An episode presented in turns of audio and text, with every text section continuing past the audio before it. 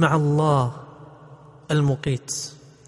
اللهم يا من قام بشؤون خلقه وتدبير معايشهم نسألك حفظك وعفوك وعافيتك.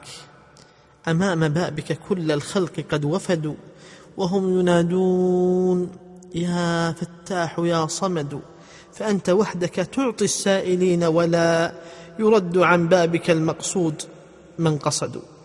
إن أنت يا رب لم ترحم ضراعتهم فليس يرحمهم من بينهم أحد. وكان الله على كل شيء مقيتا. الله المقتدر على عباده. الله المجازي بالعمل الصالح وبالعمل السيء. الله الذي أوصل الأقوات إلى كافة المخلوقات وخلق ما به تقتات فقاتها وجعل لها ما يسد رمقها ويسعد حياتها. الله الذي يقيت القلوب بأصناف المعارف والعلوم فتحيا بها الأرواح وتنشرح به النفوس. إنه الله المقيت. إنه الله جل شأنا وحسبي. إنه الله سلوتي في صلاتي.